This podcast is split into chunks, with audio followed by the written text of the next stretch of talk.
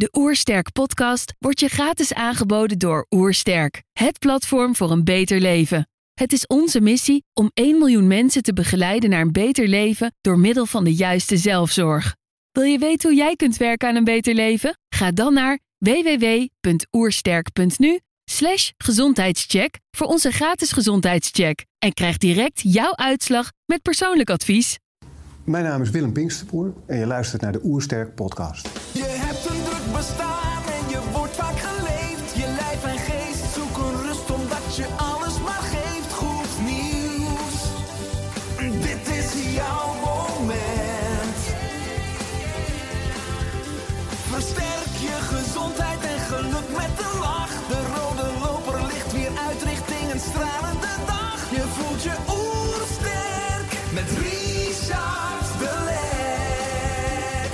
zijn in Heemskerk voor een podcast met Willem Pinksterboer. Hij is acupuncturist en ik ben benieuwd naar zijn tips voor een beter leven. Trouwens, geniet je van onze podcast? Abonneer je dan en laat een reactie of review achter. Zo help je ons om het gezondheidsvirus te verspreiden. Let's start! De Oersterk Podcast. Een Welkom Willem. Dankjewel. Ik lees op je website acupuncturist Willem Pinksterboer is een zeer betrokken en zeer ervaren behandelaar met een grote liefde voor zijn vak. Bij Acupunctuur Haarlem vind je een deskundige behandeling waarbij niet alleen aandacht is voor de klacht, maar ook voor de mogelijke dieper gelegen oorzaken. Dit heet in de Chinese geneeswijze Ben Bibao, hopelijk spreek ik het juist uit, het behandelen van wortel en tak. Alleen een behandeling die beide aspecten verenigt leidt tot werkelijke genezing fantastisch vind ik hoe je dat eh, beschrijft. Hoe ben je als eh westers fysiotherapeut naar oosters acupuncturist tot deze visie gekomen? Dat, is een, eh, dat was een hele weg. Ja, Nou, het, het is denk ik ermee begonnen dat ik... ehm, ik ben eigenlijk geboren in een fysiotherapiepraktijk. Mijn ouders hadden een praktijk aan huis. Dus ik kroop als kleutertje eigenlijk al rond in de gezondheidszorg, zou je kunnen zeggen. En mijn ouders werkten in, in een tijd dat er eigenlijk nog helemaal geen statistiek was. En iedereen behandelde wat zijn hand vond om te, behandelen, om te behandelen. Mijn ouders waren deel van de Beverwijkse gemeenschap. En ehm, ja, ze werkten eigenlijk vanuit een soort roeping, zou je kunnen zeggen. Het was ook helemaal niet een, een bedrijfsmatige aanpak. Mijn moeder wilde wel serieus een goede boterham verdienen. Maar het was altijd de patiënt die centraal stond. En eh, vanuit dat idee ben ik de gezondheidszorg ingestapt. Dat was mijn inspiratie of mijn, eh, mijn voedingsbodem. Maar op het moment dat ik de fysiotherapie inkwam, eh, begon die statistiek steeds belangrijker te worden. Diagnosecodes. Dus je, je, het ging eigenlijk niet meer om de mens achter de klacht, maar het ging alleen nog maar om die klacht. En iedere klacht zou dan een, een gestandaardiseerde ideale behandeling moeten krijgen volgens een protocol of een richtlijn. En daar voelde ik me niet in thuis. Maar dat kwam ook eh, door wat ik zag bij mijn patiënten. Dus niet van, nou, ik voel me daar niet in thuis, dat wil ik niet, dat wijs ik af. Maar ik zag te veel mensen die helemaal niet in zo'n diagnosecode pasten. Of waarbij een klacht niet op één specialisme ligt, maar eigenlijk een hele range.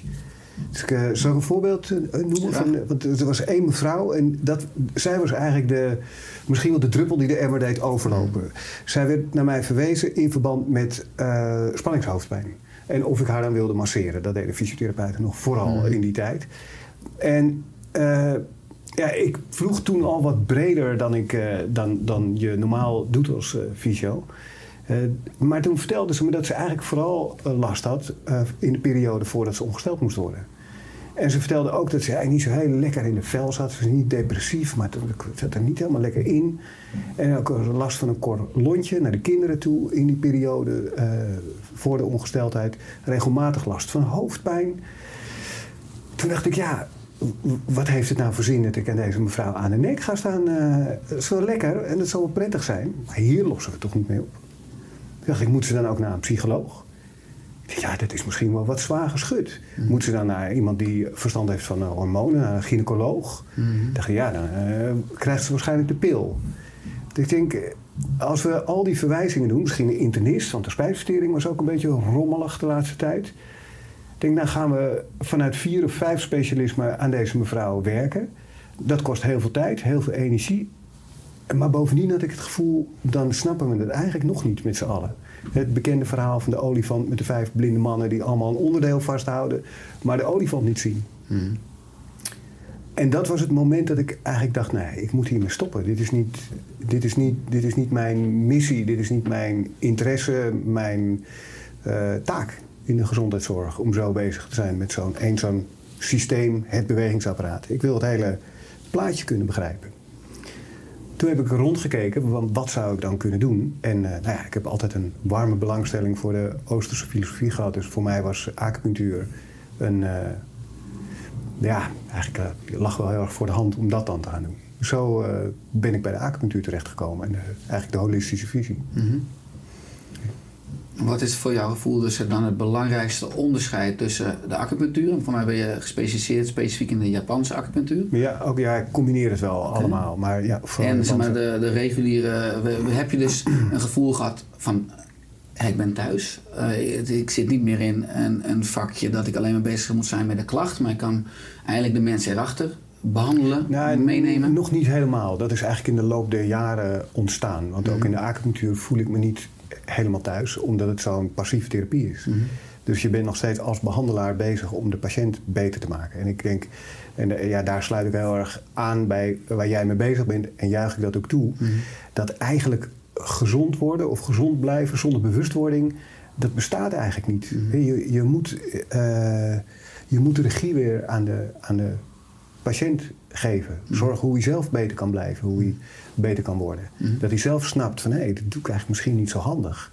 Dat je zelf leert hoe je bij kunt sturen. Mhm. Dus dat miste ik nog wel een beetje in de acupunctuur. Ja. Dat, dat ben ik er zelf steeds meer aan toe gaan voegen, dat je je eigen vorm daarin vindt. Ja, want je zit ruim 25 jaar in het vak. Ja. Eh, ik zie je ook als een brug tussen Oost en West. Je beschrijft vaak ook over de balans tussen denken en voelen. Eh, hoe doe je dat in de praktijk? Als iemand bij je, bij je komt met een klacht. Hè? Over het algemeen vind ik het ook zo prikkelend aan jou dat je ook heel erg bezig bent, nou, eigenlijk met energie, maar met lichaam en geest. En ook met mentale aspecten van verstoringen, van klachten, van signalen, net welke naam je eraan geeft. Hoe maak je zelf die koppeling?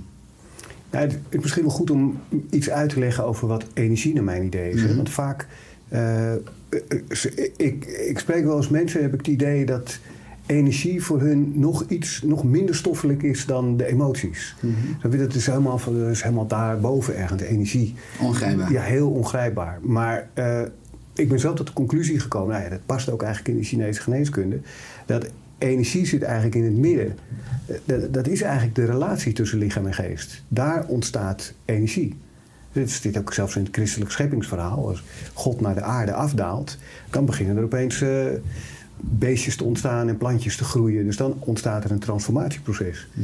Dus die energie in, het, in de Chinese filosofie is het, draait het ook eigenlijk allemaal om het midden. En dat vind ik dan weer zo leuk. Ja, ik hou heel erg van die verbanden. Eh, dat de, daar zie je de, de link met de orthomoleculaire denkwijze. Dat eigenlijk je spijsvertering het allerbelangrijkste is. En het, ja, het buikje, dat zit daar in het midden. Je ziet eigenlijk als de spijsvertering niet functioneert, dan houdt alles op om te functioneren. En is het ook symbool qua het onderbuikgevoel en luisteren naar je Ja, dat leer, je leert kern? Of? Ja, in ieder geval in contact zijn met wat je voelt. We zijn allemaal denkers geworden. We zijn als voelers geboren, maar we worden steeds meer denkers. Omdat het hele onderwijssysteem gaat over denken. En voelen doe je nu en denken is altijd op de toekomst gericht. En wij leven in een maatschappij waar dingen steeds sneller moeten. En je moet steeds altijd doelen nastreven.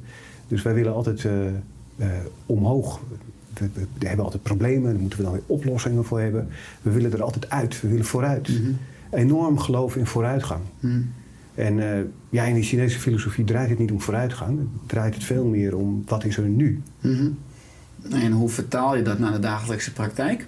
Dus als eh, iemand bij je komt met signalen, met klachten, of het nou moeheid is, of een huidklacht of een, eh, of een buikklacht. Eh, wat zijn standaard, ja, misschien is er, er is geen standaard protocol uit, maar wat zijn standaard eh, principes eh, die jij gebruikt in je, in je zoektocht Om erachter te komen wat er uit balans is? Ja, dat is een moeilijke vraag.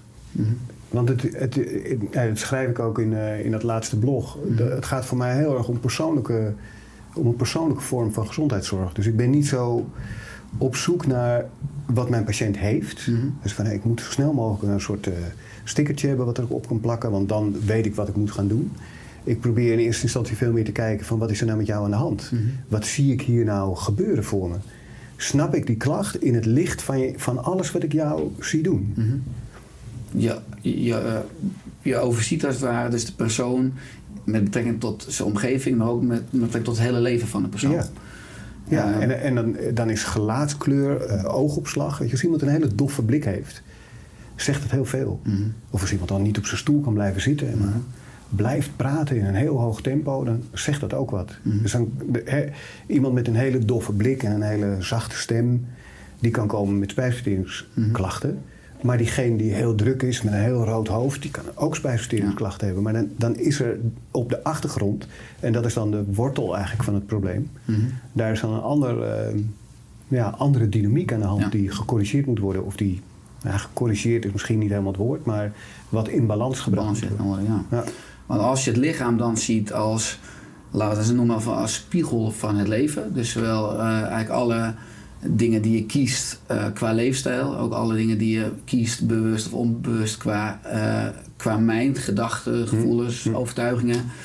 Eh, als je als een soort vertaler die signalen bewust maakt voor mensen, zijn mensen er altijd blij mee? Zitten mensen te wachten op die bewustwording? Of zijn er ook mensen die zeggen, nou steek gewoon een paar naaltjes Ja, en, ja, ja, die- ja, en die- dat is tuurlijk. veel beter. Tuurlijk. Ja. Ja, tuurlijk. Maar dat, dat is ook het mooie. Want ik, ik opereer niet vanuit het idee... eh, ik heb gelijk, dus als je nou Mm. naar mij, mij luistert... je moet doen wat ik zeg. Want ik, ik vertel jou nu wat er met jou aan de hand is.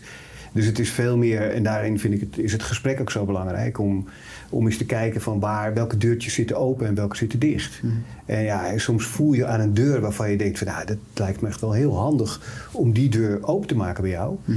Maar dan trek ik een beetje aan die deur en dan voel je echt van... oh, nee, doe dat maar niet. Kom daar maar niet aan. Dat is te gevoelig. En dan benoem ik het wel. Joh, ik heb het idee dat daar iets... eh, is daar iets? Is het lastig? Is het moeilijk? En dan kijk je of daar... En soms komt er, eh, komende maanden later, komt het opeens aan de orde. Hebben mensen het nog eens van een vriendin gehoord of een partner. Dus ja, die zegt het eigenlijk ook. En dan eh, is de tijd wel rijp.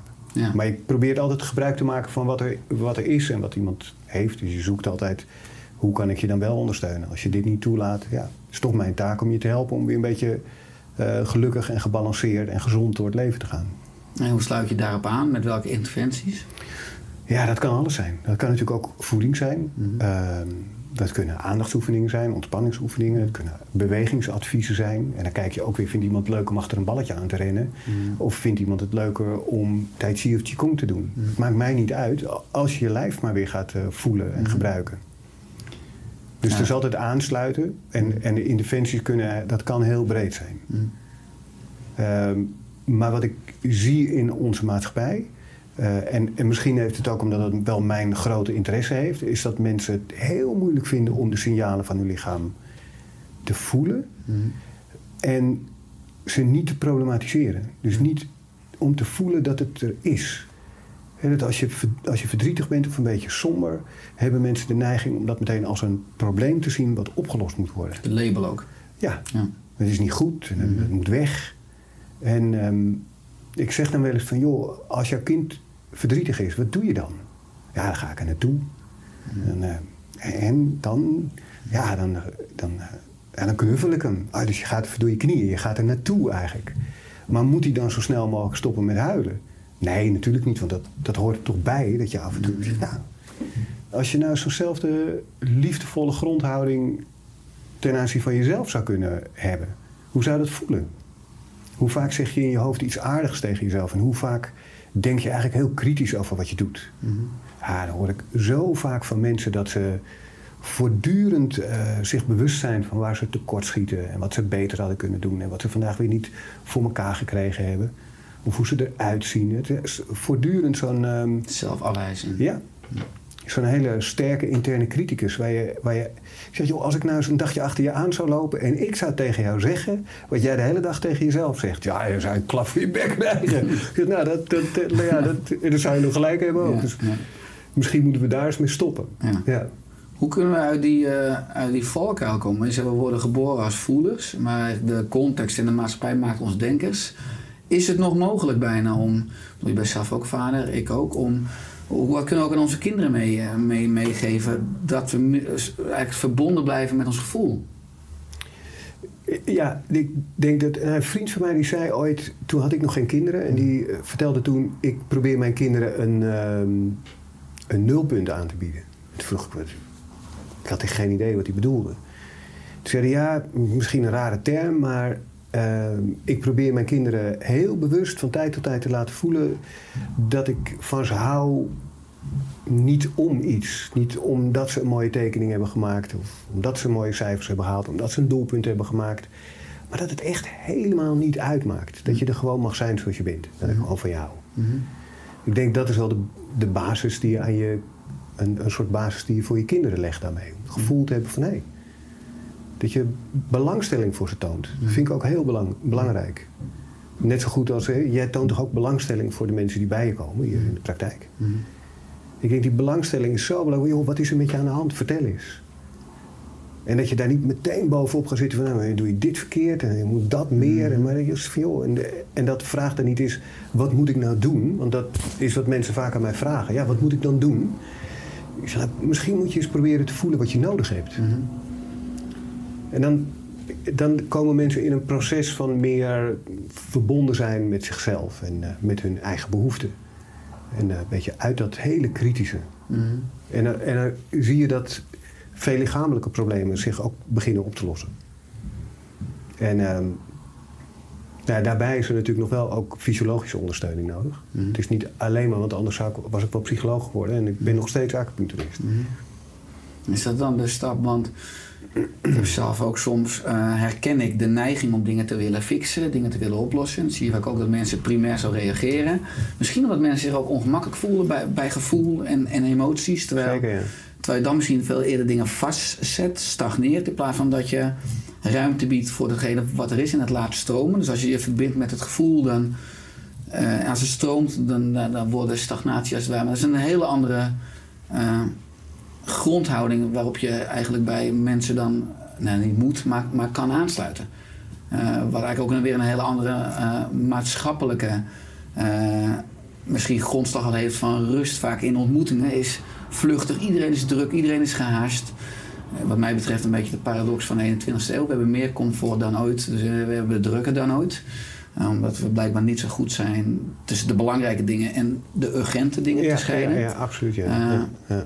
Hoe, hoe speel je daarop in? Want ik denk uiteindelijk dat ieder signaal in mijn optiek is een eh, afspiegeling van een verkeerd energiemanagement. Of een energiemanagement wat uit balans is, dus je lichaam geeft feedback. Eh, ga je er ook vaak op in, op, op, op dus het totale leven van de persoon, zijn agenda's, zijn prioriteiten, zijn keuzes. Ja, Ja. ja, zeker. Ja, als dat aan de orde is. Hè. Niet, het is niet altijd. Hè.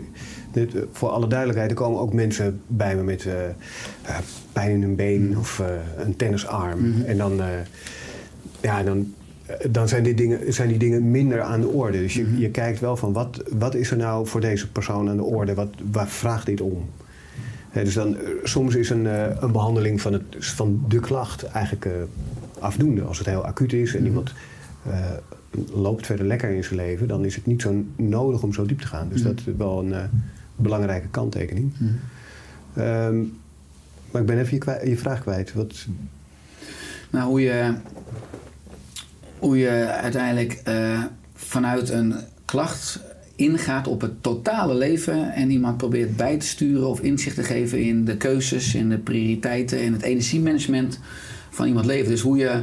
Mensen komen altijd bij je met een gebiedje, eh, maar dat is natuurlijk een deur naar het complete leven van Ja. die persoon. Ja. In hoeverre is het jouw of mijn taak eh, sommige mensen zeggen terecht, hou je vooral bezig met je eigen zaken. Maar eh, om uiteindelijk iemand inzicht te geven in die totale energiebalans van het leven. Maar je zegt terecht, dat, dat, dat verschilt per persoon.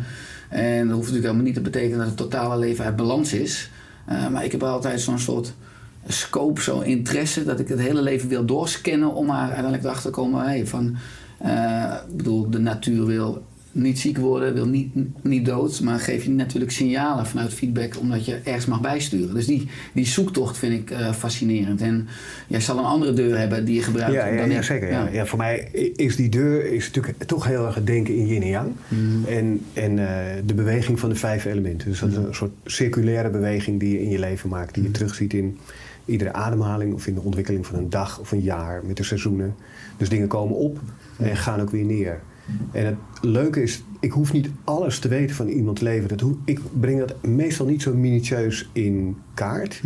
Ehm, alleen op een gegeven moment meen ik een beweging te zien. Dat hij eigenlijk iemand altijd vooruit gaat, altijd, altijd vooruit wil, altijd in de actie schiet.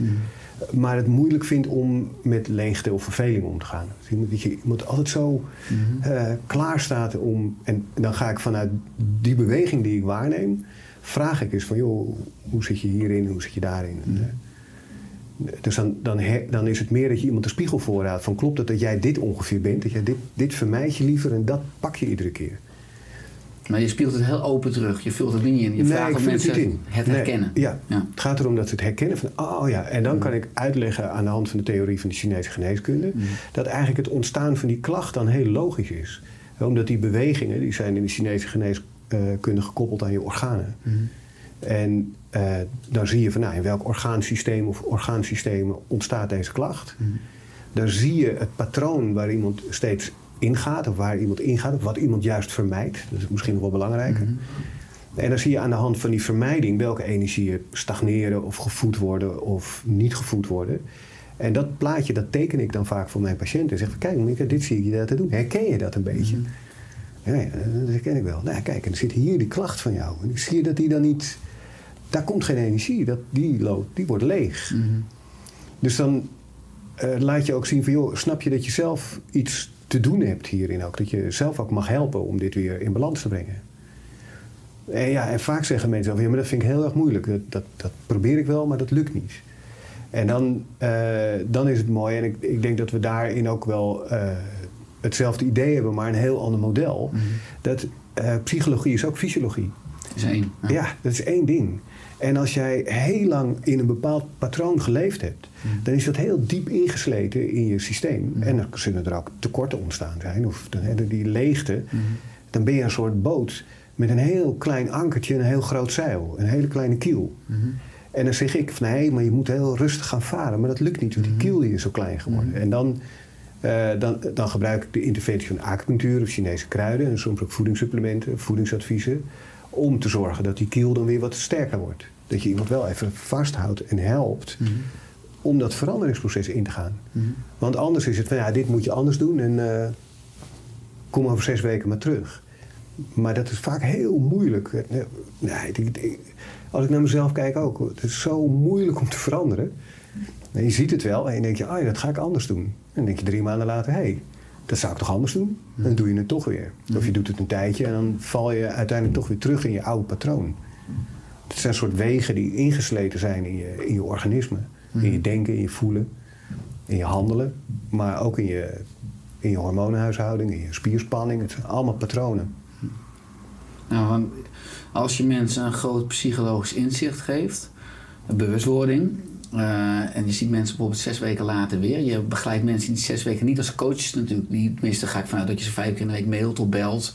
Nee, dat, nee, dat doe ik niet. Nee. Lukt het mensen, tenminste is je ervaring, eh, of is die zes weken dat je mensen... En naast je ook een soort veiligheidspal om te kijken, is het gewaarborgd? het hangt er bij mij heel erg van. Kijk, als iemand met een, eh, in een acute burn-out situatie bij me komt, of met heel veel angst, of, dan zie ik mensen in eerste instantie vaak wel vaker. Dan eh, laat ik niet meteen zoveel tijd ertussen zitten. Dat hoort ook een beetje bij de acupunctuur. Dus in eerste instantie heb je frequente behandeling.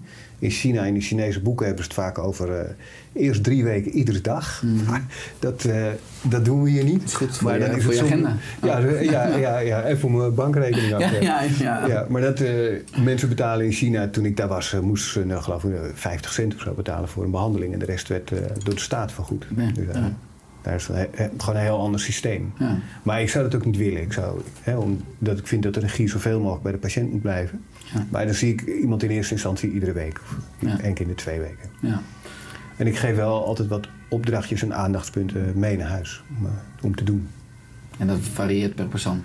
Dat varieert per persoon. Maar je hebt natuurlijk wel je, iedereen heeft zo zo'n bakje met eh, tips en adviezen die je, die je graag gebruikt. Of waarvan je het idee hebt van, goh, dat, dat, daar help je echt veel mensen mee. Wat is een, een opdracht of een tip voor de luisteraar of kijker? Waarvan je zegt, nou die is heel breed, daar kunnen heel veel mensen... Um, zeg maar alweer een tip voor een beter leven. Nou, als het gaat om ruimte geven aan jezelf. En voeling krijgen met wat je voelt. Als je, vooral in een situatie waarin je hoofd zo druk is. En, dan weten mensen vaak, hoor ik mensen vaak zeggen... ik zou ja, eigenlijk moeten mediteren, maar het lukt me gewoon niet. Want ik ben te onrustig. Ik, ik krijg het niet voor elkaar. Dus dat, dat, die, die, die denker, dat brein, dat is zo overactief... dat het echt niet lukte. Om, dat is een veel te grote stap om zomaar eh, boem, in een soort lichaamsbewustzijn eh, te duiken. Ja, wat ik een geweldige opdracht vind is... eh, schrijf drie A4'tjes vol zonder je pen van papier te halen. En probeer zo schaamteloos mogelijk op te schrijven wat er in je opkomt. Ook al zijn het hele zielige, slachtofferige gedachten... of ook al ben je woest, woedend en eh, denk je, ik, eh, ik maak hem van kant. Nou, schrijf het dan maar gewoon een keer op. Zodat je... En soms zijn die krachten in de, in de uiterste krachten van slachtofferschap... en hele erge woede en schuldgevoel... En die zijn zo sterk en die zijn zo extreem... dat je helemaal dat midden daarin niet meer kan vinden. Dus dan moet je ze eerst eens even lekker leeg laten lopen. Dus dan schrijf het maar gewoon op. En als je halverwege een zin opeens iets anders denkt... dan schrijf je dat op. En als je denkt, ik kan niet schrijven, ik wil niet schrijven... ik vind het een hele erg stomme opdracht... dan schrijf je dat op. Daar, daar, daar blokkeert iets en dat is ook interessant. En mensen beschrijven daarna dat hun eh, denkactiviteit en interne dialoog veel rustiger is. Dat die interne criticus als vanzelf tot rust komt. Dat je makkelijker in beweging komt. Dat is eh, echt een wonderbaarlijk effect wat dat kan hebben. Dus ik probeer zelf ook, nou, ja, eh, eigenlijk in deze techniek zou je het iedere ochtend moeten doen. Drie Ja. A4'tjes. Ja, het kost eh, in mijn ervaring een minuut of twintig om ze vol te pennen. En je hoeft ze ook niet terug te lezen, want het is een soort, eh, ik zeg, het is een soort eh, poepen wat je doet. Je kijkt wel een beetje van wat er naar je ontlasting, maar je gaat niet iedere ochtend met een eh, vork alles. eh, dat, Jij niet? Nee, nee, nee, nee. Nee, ik adviseer mensen toch gewoon door te trekken. wel. dus eh, dat geldt ook voor deze schrijfopdracht. je, het is later wel eens leuk, om, want dan zie je een soort patroon. Als je het langer doet, dan zie je dat, dat er toch dingen gaan veranderen zonder dat je bedacht hebt dat het moet veranderen. Dus een soort on- onbewuste, onderbewuste verandering. Ja, dus als je drie, drie A4'tjes hebt, of tenminste je bedoelt als je het in een eh, soort schijfblok hebt, dan pak je iedere keer weer drie nieuwe, maar je hoeft dus niet op te gaan sturen of ritueel te verbranden. Nee, of, nee, eh, nee, nee. Maar je moet er vooral ook niet over nadenken. Je moet het gewoon laten komen. Het is echt een, eh, een brain drain, zo wordt, het, eh, zo wordt het ook genoemd. En doe je dat als eerste moment als je opstaat? Eh, Nou, dat hoort ook bij deze techniek. Het komt uit een boekje dat heet The Artist Way. En dat, gaat, eh, dat is een methode om weer vanuit creativiteit te kunnen gaan leven. Dus veel scheppender en veel meer echt uit je eigen kern. En daar zeggen ze dat, je, dat het het eerste moet zijn wat je doet op een ochtend. Maar ja, dat vind ik meteen ook zo beperkend, want dan lukt het al heel vaak niet. Dus ik denk, ja joh, als je het na het ontbijt doet of na de lunch, ik vind het prima. In mijn ervaring heeft het s'avonds wel wat minder effect. Het is wel echt goed om het ergens in de loop van de dag te doen. Ja. Maar je kunt het ook doen als je ergens over twijfelt. Of eh, als je ruzie met iemand hebt en je bent... eh, Weet je, als ik eh, kwaad op iemand ben waar ik van hou... dan heb ik al iets conflicterends. Want ik ben wel echt kwaad. En daarachter zit vaak dan ook nog gekwetstheid. Maar ik voel vooral woede. Maar ik mag niet zo kwaad zijn, want ik ben ook... Ik wil diegene niet kwijt. Dus daar, ja, zo moet je er niet over denken. En dan, eh, dan, dan krijg ik eigenlijk een soort worsteling in mezelf. Ja. En dan ben ik niet meer congruent in wat ik voel en wat ik doe. Dus dan ga ik dingen inslikken als ik diegene zie. Maar ik durf het ook niet te zeggen, want als ik het ga zeggen, dan komt meteen die enorme woede eruit. En dat, dat wil ik niet. En- terecht ook, dan kwets je iemand misschien. Dus als je dan eerst gewoon zo thematisch, als er zoiets is, daar, schrijf dat maar eens gewoon een paar keer helemaal van je af. En als je dan opschrijft over je beste vriendin, ik wil je nooit meer zien, nou, dan schrijf je dat maar op. Dat, dat is geen werkelijkheid. Dat Ja. is eh, alleen om je meer te gaan verbinden met dat, met dat gevoel. Ja. De, de, de handeling is slecht. Als je iemand wil, wil slaan of wil vermoorden, dat moet je niet doen. En dat tegen iemand zeggen, dat is waarschijnlijk ook niet echt helpend. Maar daardoor wijzen we de gedachte vaak af. En doordat we gedachten afwijzen, wijs je het gevoel ook af. Maar gevoel is energie. Het is volkomen onschuldig. Dus eh, eh, je gaat je gedrag blokkeren, maar daardoor blokkeer je je emoties. Ja, en je emoties, emoties komt, het woord emotie komt uit het Grieks van emoveren. En dat betekent naar buiten bewegen of door je heen bewegen. Dus dat, dat, dat is zo belangrijk voor je energetische gezondheid. Dus als je begint met je emoties te blokkeren, ja, dan, krijg je, dan volgen de fysieke klachten vanzelf. Hm, ja. Dus dit is een, eh, een prachtige opdracht waar- Ja. waarmee eh, in mijn ervaring ook eh, je een heleboel eh, therapeut en psycholoog werkloos kan Ja. maken. Want ja, je gaat toch naar de psycholoog om weer te voelen wat je nou echt voelt. Mhm. En ik hou van methodes waarbij je dat eh, zelf kunt doen. Ja. En dit is een oefening die je ook eh, preventief eh, Ja, kunt- zeker. kunt toepassen. ja, zeker. Als je dan de brug maakt naar je praktijk. de meeste mensen zullen bij je komen met klachten, signalen. Of zie je mensen ook preventief? En is het, dat vind ik dan leuk theoretisch als ik daarover nadenk, eh, mogelijk dat je 100% in, in balans bent? Nee. Mhm. De laatste denk ik... om de- Dat maar- vermoed ik al natuurlijk. Dat, Nee, is, dat, is, nee. dat is de uitdaging van het leven en ik ook je Ja. opdracht. Ja. Dat is het, het mooie. De, de- als je kijkt naar een, eh, naar een balans, Mhm. naar een, eh, een wip bijvoorbeeld, Mhm. daar, daar zit, het balanspunt zit in het midden. Als hij precies in het midden gedragen wordt, dan, dan, is die wip, dan hangt hij gewoon mooi in balans. Maar het, het leven is eigenlijk een voortdurende balansverstoring, toch? Ook fysiologisch. Mhm. Dus eh, als je uitgeademd bent, nou, begint er al een disbalans te ontstaan. Want je hebt behoefte aan zuurstof, dus adem weer in om die behoefte te voldoen. En ja, dan ontstaat er heel veel spanning in je lijf, dus moet je weer uitademen om weer tot rust te komen. Mhm. Eh, Dus eigenlijk, en dat zit ook in die beweging van de vier elementen. Je hebt er eigenlijk vier aan de buitenkant en één in het midden. En die één in het midden, dat is het aardeelement, dat zijn je spijsverteringsorganen. En ehm, eh, de beweging ontstaat in die, in die buitenring. En, het midden, en dat wordt gevoed vanuit het midden. Maar als je in het midden gaat verblijven, als je, dan, komt die, dan is die transformatie er niet meer. Mhm. Dat zie je, zie je met mensen. Als je gaat eten omdat je de beweging niet toe wil laten, bijvoorbeeld een emotie, dan, ja, dan eh, ga je veel te veel buffer opbouwen. En dan Mhm. eh, kan je niet meer bewegen en dan stagneert je leven. Wat ook een weg van de pijnmechanisme is. Ook een weg van Ja. het pijnmechanisme. Ja. Eh, zie je mensen eh, veel in je praktijk die preventief komen? Zeggen Willem, ik voel me prima, maar zou je gewoon mijn systeem eens even kunnen, Nee, kunnen checken nee. of doorlopen? Nee, gebeurt niet zo vaak. Nee, dat, nee, dat eh, gebeurt toch niet zo vaak. Een enkele keer. Maar dan willen mensen vaak dat ik ze preventief ga prikken. En ehm, daar ben ik niet zo van, want dat prikken is heel passief. En om gezond te worden heb je soms een, een behandeling nodig. In een bepaalde fase van je leven. En, en als je een hele chronische aandoening hebt waar, waar je echt niet meer afkomt, kan het ook zijn dat je die ondersteuning wel blijvend nodig hebt om steeds weer eh, in, zo, in ieder geval zo optimaal mogelijk te kunnen functioneren. Mhm. Maar als het verder goed met je gaat, dan lijkt preventie mij iets wat je bij uitstek wat je zelf moet doen, toch? Mhm. Of wat je zelf mag doen, of wat je zelf kan doen, wat ook leuk is, want daarmee leer je jezelf beter kennen. Mhm. Ja, heb jij in je praktijk altijd eh, het is maar één persoon per keer? Want voor mij, ik heb ook natuurlijk, ik ken de beelden ook uit Chinese ziekenhuizen van artsen die bij spreken. Tien mensen op een rij liggen of van de ene kamer naar de andere kamer. Ja, voelen, ja. wat naaldjes zetten. Ik ben zo terug in tien minuten die zeg Ja. maar, aan het multitasken of nee, nee, nee, nee, zijn. nee, ik ben echt met één eh, eh, persoon tegelijk bezig. Ja. Dat- ja. Ja. Ik- wil niet zeggen dat het slecht is. hoor. Het is altijd ook je eigen voorkeur en eh, de manier waarop ik werk. Mhm. Met de Japanse acupunctuur, als ik dat doe, kan het ook niet. Want dat is, daarbij ben je ook voortdurend in lichamelijk contact met je patiënt. Mhm. Dus je, je bent steeds aan het aftasten wat er gebeurt. Het is heel procesmatig. Mhm. Dus je besluit niet van hey, ik ga deze tien naalden zetten of deze tien punten behandelen. Nee, je besluit het eerste punt wat ik wil behandelen, wat nu het meest aan de hand is, waar, waar ik denk dat de hefboom zit nu, Mhm. eh, om deze disbalans op één punt zoveel mogelijk al in beweging te zetten, is dit punt. Dat behandel je en vervolgens voel je, gebeurt ook, wat ik een soort hypothese die je test. Gebeurt het ook, wat ik verwacht?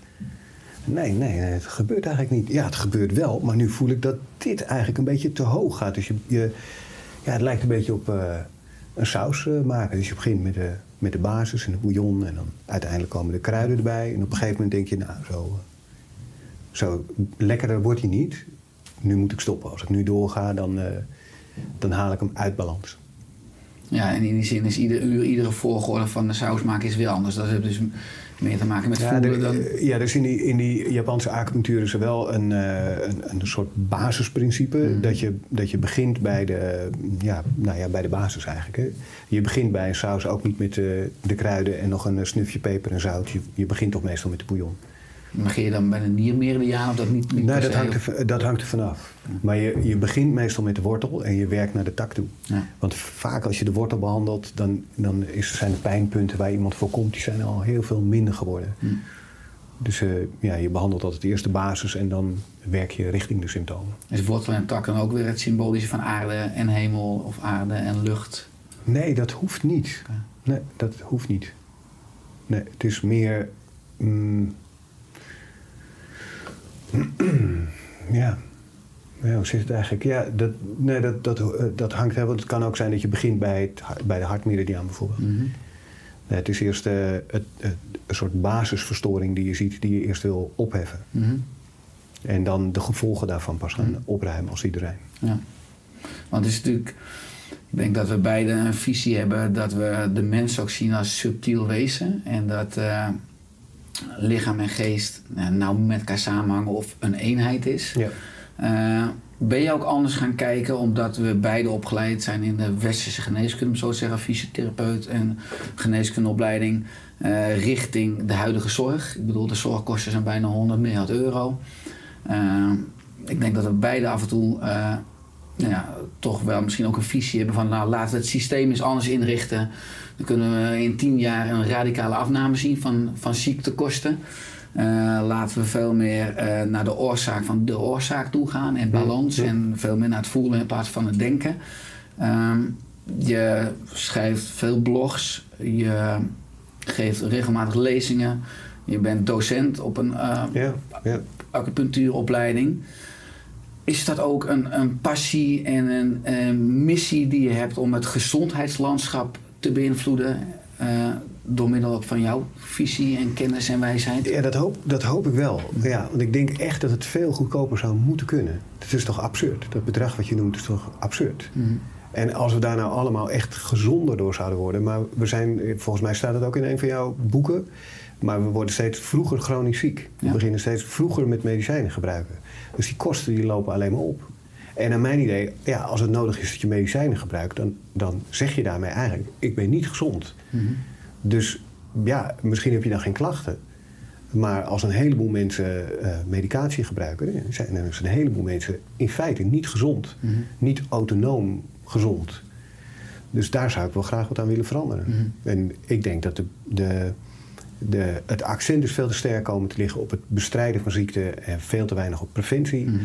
En eh, ja, het is een mooie een, een, eh, een filosoof die eh, in de jaren 70, in 75, heeft een soort eerste man die echt een hele felle aanklacht schreef tegen de geneeskunde. Dat is Ivan Illich. En ehm, die schreef: Er is een revolutie nodig. Want eh, mensen moeten zelf weer eigenaar worden van hun gezondheid. Dat vond ik heel sterk. Hij zegt: Ja, ehm, tegenwoordig is het zo dat de dokter bepaalt wat gezondheid is, wat ziekte is, en de dokter bepaalt wat er aan moet gebeuren.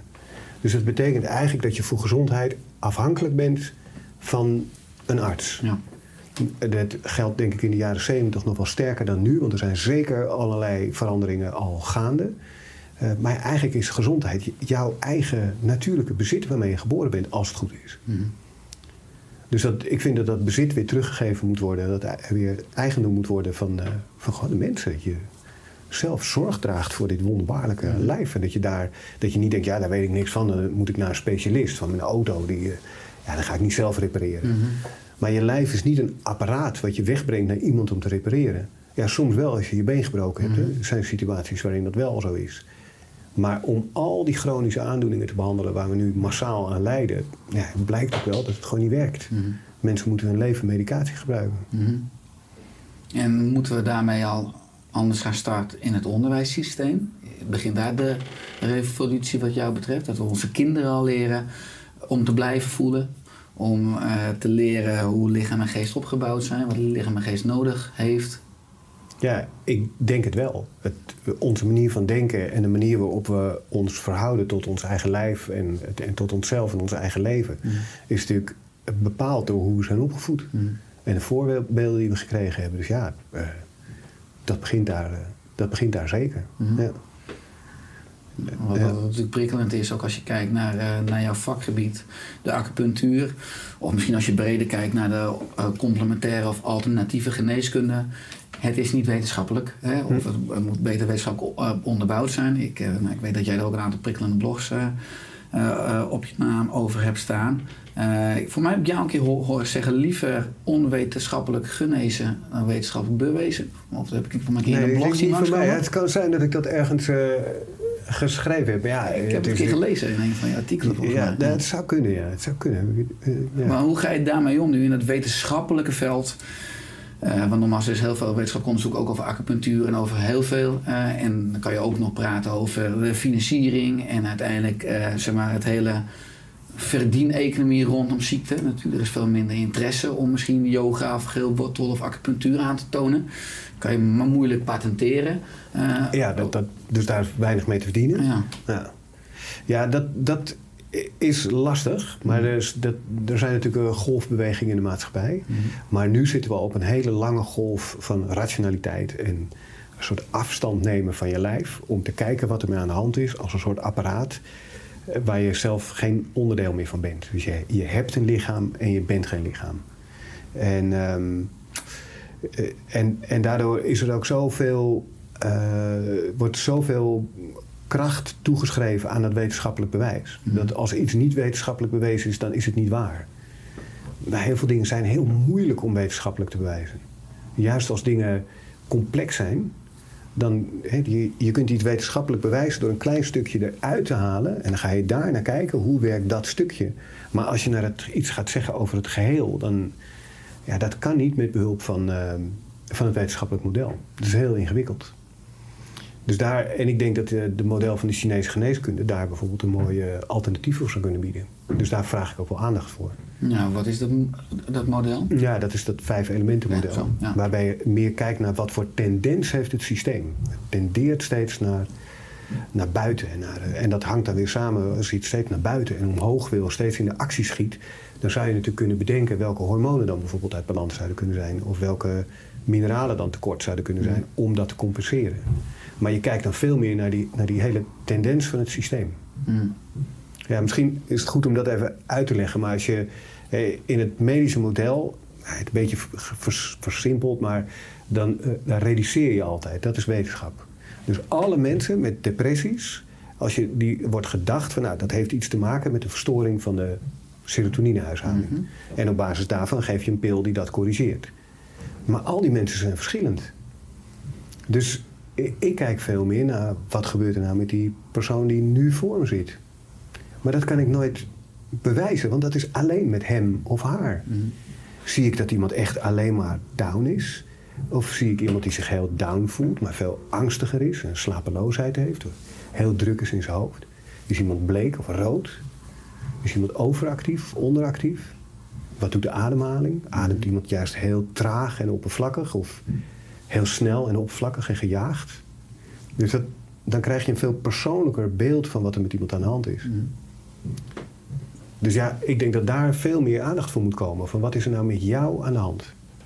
Wat heb jij nou nodig om beter te worden? En niet wat heb jij? Ja. ja, het is natuurlijk fascinerend dat we in het Westen hebben heel veel informatie. Eh, ik zou zeggen dat we steeds minder wijsheid hebben, maar het Oosten, daar zoeken we vaak de wijsheid. Ja. Als je kijkt ook naar eh, China en Japan, misschien ook de bakermat van acupunctuur, zie je toch ook dat mensen steeds nou ja, dikker, eh, zieker, eh, ongezonder worden. Is, is daar ook een conflict tussen de twee zorgsystemen? Of, of heeft het ook te maken met een westerse leefstijl die daar meer zijn intrede doet? Nou, ik denk een westerse leefstijl, maar ook een westerse denkstijl. Mhm. Ja, ik denk dat het, tegenwoordig het verschil niet zo heel groot meer is tussen Oost en West. Wa- Waar wij hier gebruik van maken als acupuncturisten is natuurlijk de oude Oosterse wijsheid. Maar ik vraag me af in hoeverre dat nog leeft bij eh, de Japanse jeugd in Tokio. Ik denk dat dat niet zo heel erg eh, aan de hand is. Dat ze daar ook gewoon kiezen voor een antibiotica-kuurtje en eh, Ja. antidepressiva of Ja. gewoon onderdrukken, pijnstilling. Ja, maar wat kunnen wij leren van de Oosterse denkstijl?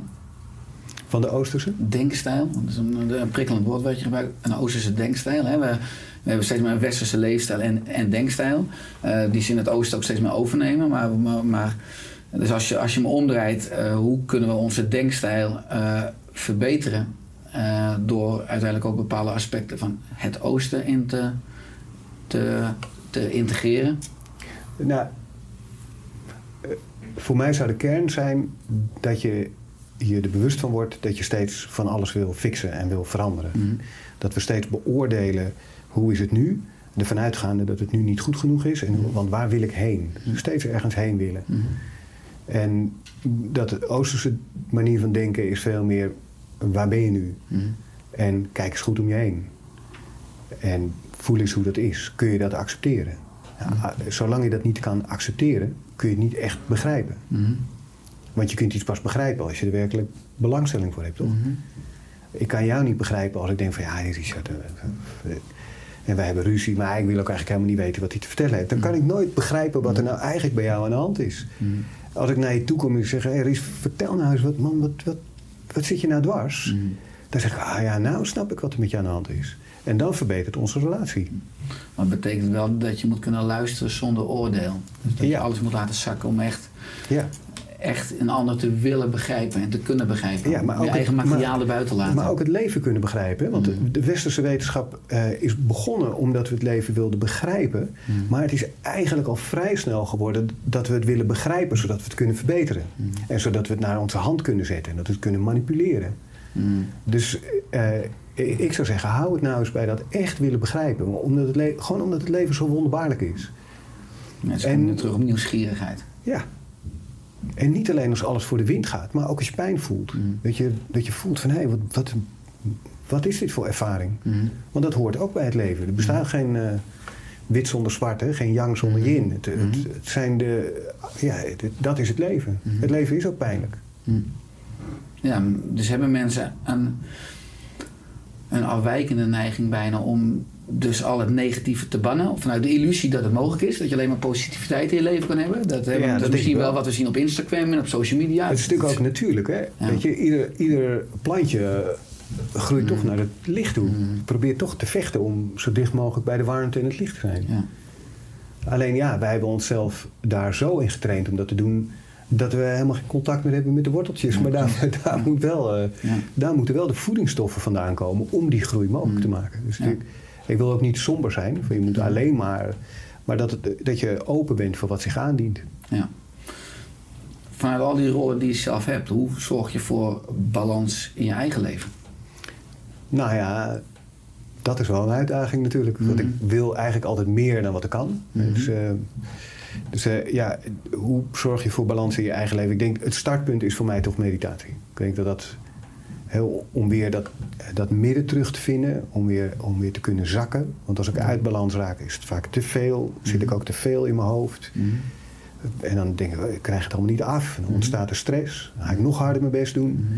En dan is, is eh, ja, zitten, zoals ik het noem, is toch eh, in ieder geval het startpunt om weer te kunnen voelen van, oh ja, maar dit heb ik nodig. Ik moet nu gewoon een wandeling maken. En dan kunnen al die andere dingen komen.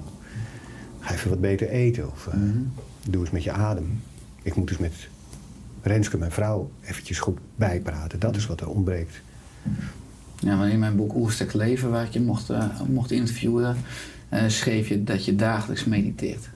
Dat was in 2014, is het nog steeds of zo van, nou, ik doe, doe het meer op ja, gevoel. dagelijks. Nou, het, het, het is niet helemaal dagelijks meer. Mhm. Eh, ook door de drukte met, met kinderen. Maar ook wel een beetje omdat ik dat, dat... ik ben daar wel een tijd vrij rigide in geweest, denk Mhm. ik. Want, dus ik ben daar wel vrijer in geworden. Maar het, en ik zit wel bijna dagelijks. Ja. En ik integreer het ook wel in mijn leven. Dus het is niet altijd meer dat ik echt eh, naar de meditatieplek toe moet. Zo- Het kan ook vijf minuten even op de bank zijn. Of eventjes, eh, even zitten, even voelen, even ademen. De juiste perspectief Even terugkomen, ja. Ja. Ja. Nou, wat prikkelend is, dat schrijf je als antwoord op een andere vraag die ik je stelde in Oerstek Leven. Toen eh, eh, stelde ik je de vraag, hoe zorg je voor balans in je leven? En jouw antwoord was, dat is wel een uitdaging voor me. We praten over 2014. Ja, niks Eh, veranderd. ik ben niet iemand die wil leven met een handrem erop. Ik leef erg vanuit mijn inspiratie. Vreemd genoeg heb ik gemerkt dat ik soms beter een artikel voor mijn blog af kan schrijven. Of naar een fantastisch optreden kan gaan. Met het gevolg dat ik maar vier uur slaap. Dan dat ik me inhoud en keurig op tijd naar bed ga. Ja, dat, ja, en soms is het de tegenovergestelde waarde. Dat is zo ingewikkeld. Mhm. je, je, hebt- je kan niet langs een receptje leven, want dat, zo wer- je moet steeds eh, meebewegen. Dat, Mhm. dat zit ook wel in die eh, Chinese filosofie. Maar dat, dat vind ik altijd weer eh, ja, zo verrassend. Dat ik dan een afspraak heb om naar een concert te gaan en dat ik tegen Renske zeg van joh, ik, ik heb daar eigenlijk dat helemaal niet. Ik moet eigenlijk gewoon op tijd naar bed, want ik ben zo moe en ik ben eigenlijk al een tijdje een beetje moe. Het is allemaal een beetje veel. En dan kom ik om drie uur terug uit Amsterdam en dan voel ik echt dat mijn hele hoofd van, alsof er een frisse wind doorheen gewaaid is. En dan slaap ik die nacht kort.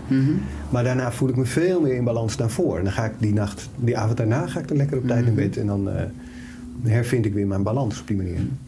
Maar als ik, ja, ik weet niet of ik dat juist af vertaal, een beetje dan in jouw hoofd. Als je dan moe bent en je ervaart een soort leegte. En je gaat dus de activiteit, dus is dan die leegte dus ook wel weer te vullen dus met de juiste inspiratie of activiteit. Dat, dat ook juist dan een medicijn kan zijn, hoewel je dan niet aansluit bij die leegte. Want dan je zet een, een dag erna, ga, ga ik dan tijd slapen. Ja, maar soms ben je ook moe omdat je jezelf maar de hele tijd probeert in zo'n eh, kadertje te duwen. En heb je het juist even nodig om aan het kadertje te ontsnappen. Even iets leuks te doen, even iemand te spreken, even te lachen, even, even, alles, te, even alles te, echt te vergeten. En niet zo, ik ben, probeer altijd wel heel verstandig te zijn. Ja. En, en soms is het ook heel verstandig om onverstandig te zijn. Dat is zo paradoxaal. En soms heb je het zelf ook niet in de gaten. Dan denk je, oh, maar past joh. Dat had ik eigenlijk even nodig. Ja. En, en je barst van de inspiratie. Eh, nou, misschien heb je soms ook net te weinig uren in een dag. Eh, leidt dat dan toe eh, dat je bepaalde dingen gewoon niet doet en dat je heel goed ook nee kan zeggen? Of leidt het ertoe dat je vaak ook tot, tot s'avonds laat of s'nachts nog Nou, aan het werk bent? Daar ben ik echt mee gestopt. Ik merkte op een gegeven moment van nee, dat, dat zijn wel basis. Nachtrust en voeding zijn echt basisingrediënten voor je gezondheid. En ik merkte echt van ja, joh, als ik eh, met mijn drie kinderen mijn werk goed wil doen. eh, en niet alleen een, deze dag productief wil zijn, maar ook deze maand en dit jaar productief wil zijn, dan, eh, dan is een goede nachtrust als regel wel belangrijk. Ik, tuurlijk, je kan best een keer tekort slapen, dat is helemaal geen punt. En dus als je een keer een deadline hebt en je werkt wel een keer tot twee uur door, dan is dat zo. Maar dat is, eh, nee, dat, daar ben ik echt mee gestopt. Maar dan heb Echt, je dus ervaren met vallen en opstaan, doordat je dat wel een keer een periode niet goed hebt gedaan. Ja, ja, zeker toen dat, eh, dat schrijven begon te komen en die blogs en eh, het lesgeven. En dan krijg je opeens ook te maken met deadlines. Mhm. Als behandelaar is eigenlijk alles gewoon gelimiteerd in je agenda. Mhm. En nu is dat iets wat je voor jezelf doet. En dan, dan wil je dat afmaken. En heb je eigenlijk geen tijd. Denk, nou, dan ga ik gewoon tot twee uur door met het voorbereiden van lessen, afschrijven van een blog. Mhm. En dat gebeurt dan geleidelijk aan. Denk je, dat werkt eigenlijk Mhm. wel. Nou, dan- nou, als het lukt, nou, dan gaan we toch nog even door. Mhm. Ja, Zo naïef ben je. Ja, dan merk je, toen begon ik last te krijgen van slapeloosheid. Dus dan ging ik zo laat naar bed dat er zoveel eh, meer yang was dan yin eigenlijk. Mijn, mijn, mijn basis eigenlijk, die, die, dat anker en die kiel verwaarloosd. En heel veel geïnvesteerd in de zeilen. Ja, dan krijg ik het bootje gewoon niet meer stil. Ja. ja. Dus dat was ook weer waardevolle bewustwording in je Ja. eigen leven. Ja. Ik gebruik dat, eh, dat, die metafoor van een bootje, die gebruik ik trouwens heel vaak. Dat snappen mensen heel goed. Ja. Zit je meer in de kiel, zit je meer in de zeilen. En dat je ziet van in het midden van het bootje, daar zit de kapitein aan het roer. Ja. En als die zeilen en de kiel niet in balans zijn, ja. Als er alleen maar kiel is en geen zeilen, dan moet die, moet die kapitein heel hard gaan roeien om vooruit te komen. Dan raak je uitgeput. Ja, het oerbrein denkt in plaatjes en niet in woorden. Dus dat is Ja, enorm- ja, ik gebruik heel veel Ja, plaatjes. mooi. Ja. Ja, in het verleden heb ik je ooit wel eens gehoord over ook het schrijven van een eigen boek. Ja, Ik weet niet of dat nog steeds ergens op de achtergrond speelt. Want ik kom, ik kom nog steeds één keer per half jaar mijn boekhandel in. Zeg ik, wil graag het boek van Leon Ja, Pinksterboer. ja, maar zoeken in het systeem Nee, nee, en nog nee, steeds nee, niet gevonden. Nee, op een gegeven moment eh, be- ben ik gewoon eens in alle eerlijkheid gaan kijken. Van, nou, hoeveel uur heb ik daar nou in de week voor om aan dat boek te schrijven? Ik dacht dat en het is zoveel uur. Maar als ik er goed ging kijken, dan is het gemiddeld ongeveer vier uur per week. En eh, ik ben, nog steeds, ben er nog steeds mee bezig met, met heel veel plezier. Maar vooral het eerste deel, wat nu, eh, wat nu af is, daar heeft enorm veel studie in gezeten. Ik heb echt ongelooflijk eh, veel gelezen van eh, de Griekse filosofen tot eh, heel veel informatie over de renaissance en over de oertijd. En ik probeer eigenlijk, in dat boek wat ik aan het schrijven ben, probeer ik de kloof tussen alternatief en regulier te begrijpen. Dus dan kom je eigenlijk weer terug op. Dus ik wilde niet die kloof weg willen hebben. Maar ik denk, ja, ik wil hem wel weg hebben. Maar dan moeten we hem eerst eens kijken van wat, wat Hoe- botst. hoe ja, is ontstaan? hoe is het ontstaan? Wat is het? Welke krachten eh, ontmoeten elkaar hier? Wat botst hier op elkaar? Waarom begrijpen we elkaar niet? En eh, Ja, dat is voor mijzelf al een heel mooi proces. Ik ben Mhm. daardoor veel minder oordelend geworden over de reguliere geneeskunde. Mhm. Ik begrijp veel meer waar die manier van denken vandaan komt. Mhm. Ja, en ik hoop dat als het, als het af is, dat, het, eh, dat mensen dat ook een fascinerende blik op de werkelijkheid vinden. Die ook tot een beter begrip voor elkaar leidt. Ja, zonder de inhoud van het boek aan mijn prijs te geven, kun je een klein tipje van de sluier prijsgeven waar je zegt, nou ik heb nooit geweten dat dat inzicht dat het speelde, waardoor nu de kloof misschien aanwezig is. Ja, daar, ja dat, eh, wat, wat ik echt ongelooflijk vond, is dat hoe, de, de, eh, hoe, hoe onze wetenschappelijke traditie gestart is. Mhm. Dat is eigenlijk begonnen door dat eh, mensen het gevoel hadden, vlak voor de renaissance, van we lopen vast. Mensen waren niet meer tevreden, niet meer blij met hoe de beheersing van het Latijn en de kunsten vooral. Dat, daar waren de, de vroege humanisten, eh, ja, vonden dat dat door de kerk te veel onderdrukt werd en dat dat niet meer de moeite waard was. En die gingen op zoek naar oude Griekse en Romeinse kunst, maar ook naar oude Griekse en Romeinse teksten. En zo was er een, eh, een man, een, eh, een eh, klerk van de paus, Poggio Bracciolini, en die ging op zoek naar Latijnse teksten die in, eh, vanuit Rome, die eh, in heel Europa lagen te vergaan op de zolders van, eh, van kloosters en abdijen. En die vond daar ehm, over de natuur van Lucretius. En dat nam hij terug, mee terug naar Rome. Dat werd heel snel verboden, want daar stond- stonden zulke ketterse dingen in. En als je, die tekst heb ik nu gelezen, of die ben ik aan het, aan het lezen. En daar staat alles in wat we nu denken, staat eigenlijk in die tekst die eh, al voor de geboorte van Christus geschreven is. Dus dat de wereld opgebouwd is uit atomen. Er staat ook dat de geest, dat eigenlijk alles materie is, ook de geest. Dus onze hele manier van denken over dat eigenlijk alles materieel is, dat is helemaal terug te brengen tot een meneer die dat ge- geïnspireerd op de Grieken ergens voor Christus al in een soort dichtvorm in heel mooi Latijn heeft opgeschreven. En er, iemand neemt die tekst mee uit, eh, uit een abdij in Duitsland. En dat is een soort vonk die in het eh, kruidvat schiet. En heeft een enorme ontwikkeling eh, plaats. Die heel veel invloed heeft op hoe wij nu denken. En vooral ook dat we voelen veel minder belangrijk vinden dan denken. Mm. En dat we denken dat alles materieel is. Ik kijk uit naar de rest van je boek. Ja, ja. Leuk. Je hebt een praktijk in Haarlem. ja, klopt. Uh, mogen in de toekomst dus je eigen boek. Ik, ik koop hem zeker. Eh, zijn er nog andere dingen, eh, principes, eh, eh, wijsheden die je zegt, nou, dit vind ik ook belangrijk, dit wil ik ook nog graag delen in. eh, Nou, in volgens mij hebben we podcast. echt al heel veel. eh, hebben een mooi de ro- revue- een mooi rondje gemaakt. Ja, ja, Ja. ja. Dankjewel Ja, voor mij. eh, de inspiratie. Het is leuk om te zeggen, ik eh, mocht met je samenwerken in eh, 2011 in het Centrum Integrale Geneeswijze in eh Beverwijk. Ja, klopt. Daar ben ik begonnen met het schrijven van Oersterk. Ik herinner het me nog heel goed. Ik weet Ja, nog wat ja. avonden dat daar tot laat bleef eh, zitten. Ja. Achter, me, achter mijn laptop. En jij ook nog s'avonds werkte. En ik ook nog in de, in de, eh, de keuken filoso- filosofeerde met je over bepaalde paragrafen waar ik dan mee bezig was. Zo is het ontstaan eigenlijk in 2011. Niet kunnen weten dat eh Oersterk in juni 2012 tot een bestseller zou leiden. En dat eigenlijk het boekje uitgroeide tot het bedrijf Oersterk. Ja, Richard, je hebt geen twee kinderen. Je hebt eigenlijk echt al drie kinderen. En eentje is echt al een reus van een vent geworden. Absoluut, absoluut. Ja. Ja. dat ik enorm blij en trots. En ook dankbaar eh, dat onze verbinding ook altijd eh, gebleven is. Ja, dat vind ik ook, eh, ben ik ook heel blij mee. ja, Ja. Absoluut. En alles succes, inspiratie en, eh, in de toekomst. Helemaal wederzijds. En, en dank voor, voor je bijdrage in deze podcast. Tja, heel graag gedaan.